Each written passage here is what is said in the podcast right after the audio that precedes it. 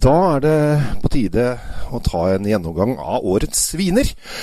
Og jeg skal da gå gjennom de fire vinene som jeg eh, syns har imponert best. Årets billigvin, årets hvit, årets eh, rød og årets champagne. Det blir gøy.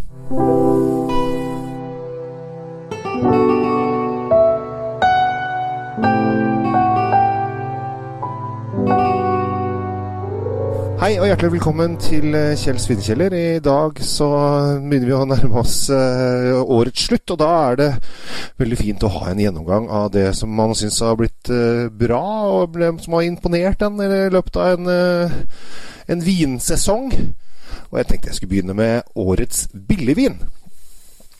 Årets Byllevin så reiser vi til Italia og til Toskana. Og der møter vi en vin som heter Vinetti di Fiorentini Maremma Toscana. Årets Byllevin for meg er da en vin som koster under 130 kroner. Og nå som ting blir dyrere og dyrere, så begynner det å bli færre og færre gode viner som går inn under denne kategorien. Men 127 blank klikker denne inn på. Dette er en ganske fruktig eh, sak med litt eh, mørke bær og Microsoft. Bitte litt sånn fatpreg, som har fått litt sånn fat på seg. Eh, som gjør at dette her er eh, kjempedigg. Og det er 100% Sangiovese, og Sangiovese er jo Italias eh, nasjonaldrue, så dette her er kjempegodt. Og jeg eh, Det er på en måte en nyhet på Polen. Jeg har ikke vært inne så lenge. Og jeg fikk smake den her Jeg tror jeg smakte den i august i år. Og så tenkte jeg bare Åh, oh, shit, dette var godt. Eh, og når man får den følelsen, eh, og det er under 130 kroner, da må det bli årets eh, billigvin. Videre til eh, årets hvitvin. Og altså det smakes mye, og det er vanskelig kanskje å finne årets eh, viner. Eh, men eh, jeg tenkte litt sånn på hva er kriteriet? Skal jeg finne den dyreste, flotteste og, og fjongeste osv.? Nei, jeg finner ut den vinen som har imponert meg litt som jeg, Når jeg fikk en liten sånn wow-feeling, eh, både ut fra pris og kvalitet. Og da er vi i eh, Spania.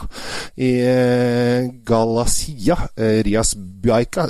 Baixas. Veldig vanskelig Jeg er veldig dårlig i spansk, kjenner jeg. Laxas Albarinho er det i hvert fall.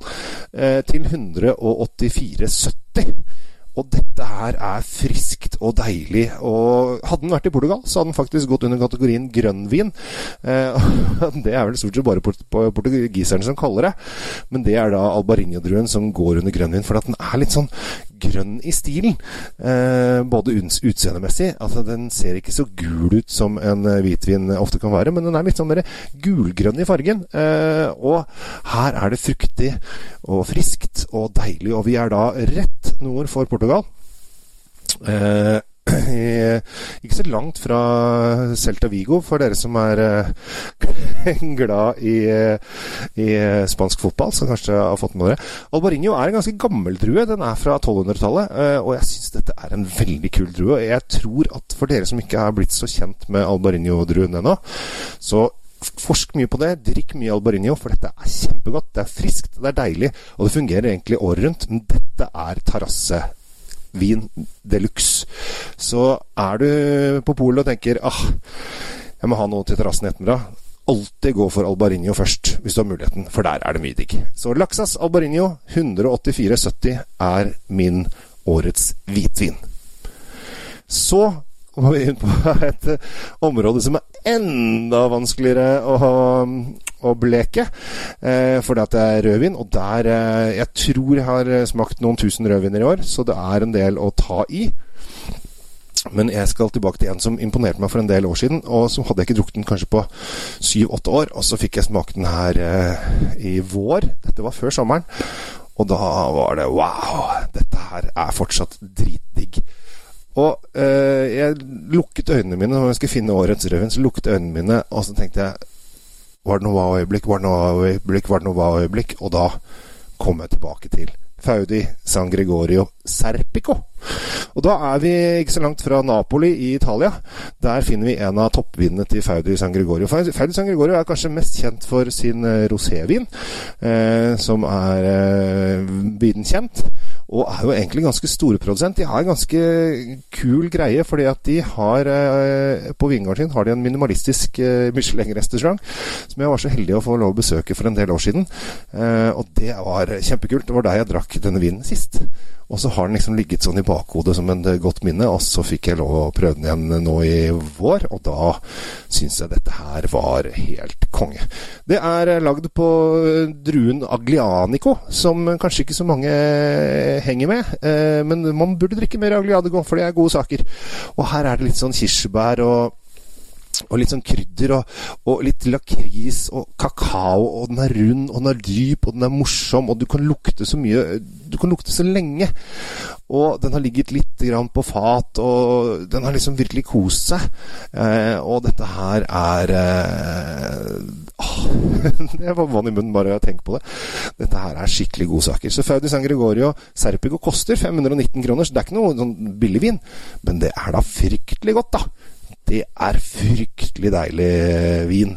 Og eh, dette her er bare rett og slett ting man eh, burde unne seg en gang iblant. Og den må bestilles. Fins bare på Bergen Storsenter, alle ting har de funnet ut og de skal ha denne hyllen. Men eh, ta, en, eh, ta, en, prøve på Faudis, en av Faudis toppviner. Og Det ryktes også om at de skal få ut De har et sortiment til som er litt sånn super, super, super toppvinene, som bare selges i Italia.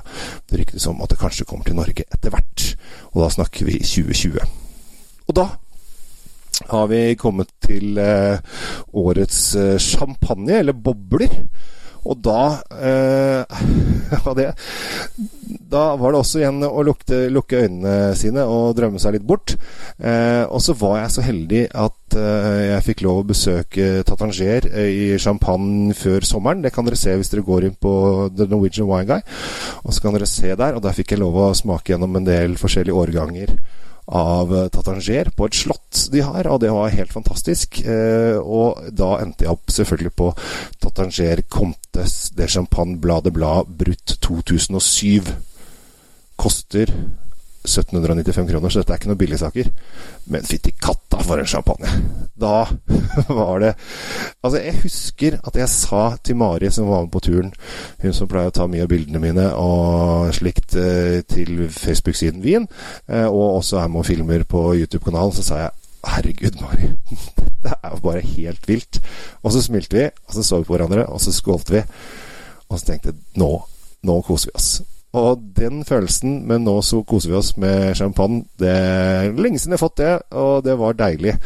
Og Tatanger Comte de Champagne Blad i Blad brutt 20 eller 2007 er bare rett og slett eh, magi på flaske. Det er syrlig og friskt. Han sitter lenge i munnen, og det er, eh, det er sitrus og litt sånne hvite litt sånn hvit, hvit, hvit, hvit, frukt, på en måte. Altså sånn innmaten av en, en eple eller pære eller noe sånt.